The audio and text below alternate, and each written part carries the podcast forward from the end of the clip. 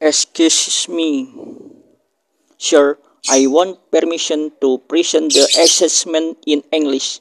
Speaking assessment third, Unit 6 Teamwork. Answers 1. Communication. Whenever someone has a question or gets an idea, they should be able to communicate it. The communication within the team must be as smooth as possible. Because remember the communication is single most important factor in successful teamwork. Facili- facilitating communication does not mean holding meetings all the times.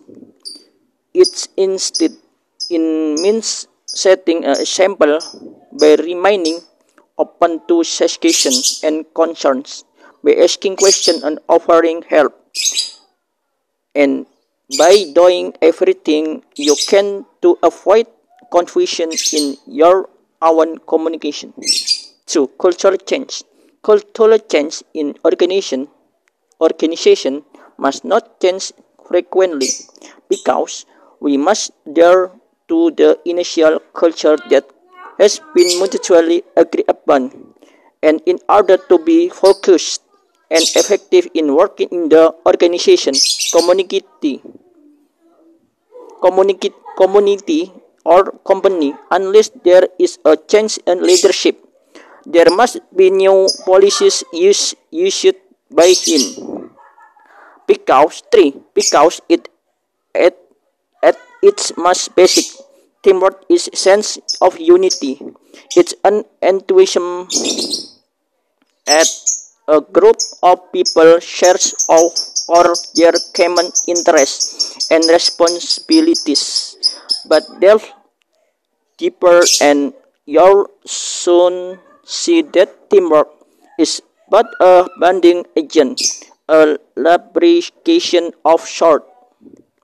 Teamwork brings people together, the bonding agent, and motivates them to rally on one another to get things done. Teamwork also makes progress easier. The lubrication and allows the group to act, overcome obstacles that your waves timid and individual. Without teamwork, one of the won't be possible because they highlight the importance of teamwork uh, new ideas. Teams among a diverse group of people will almost always reveal new fresh ideas and those new ideas are in, invaluable in today's competitive business environment. The differing ages, backgrounds, skill, assets, experience levels of a team means that their unique perspective, just waiting to be heard.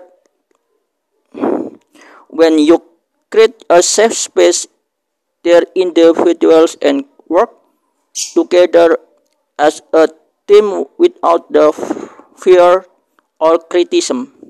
New ideas and perspective will start to flow. B. Improved efficiency if you want to improve efficiency in your business, get your employees to work together. This allows split difficult tasks in more manageable chunks and complete the faster. It's also a great way ensure that the person with the most skills in working on the part that suits him or her best. C. Better quality the quality aspect from your project or just your business in general. May be too much much for for one person to handle. But with teamwork you get the best that everyone has to offer. As a result the equals higher quality on a more consistent basic because you're not really relying on only one person. Thank you.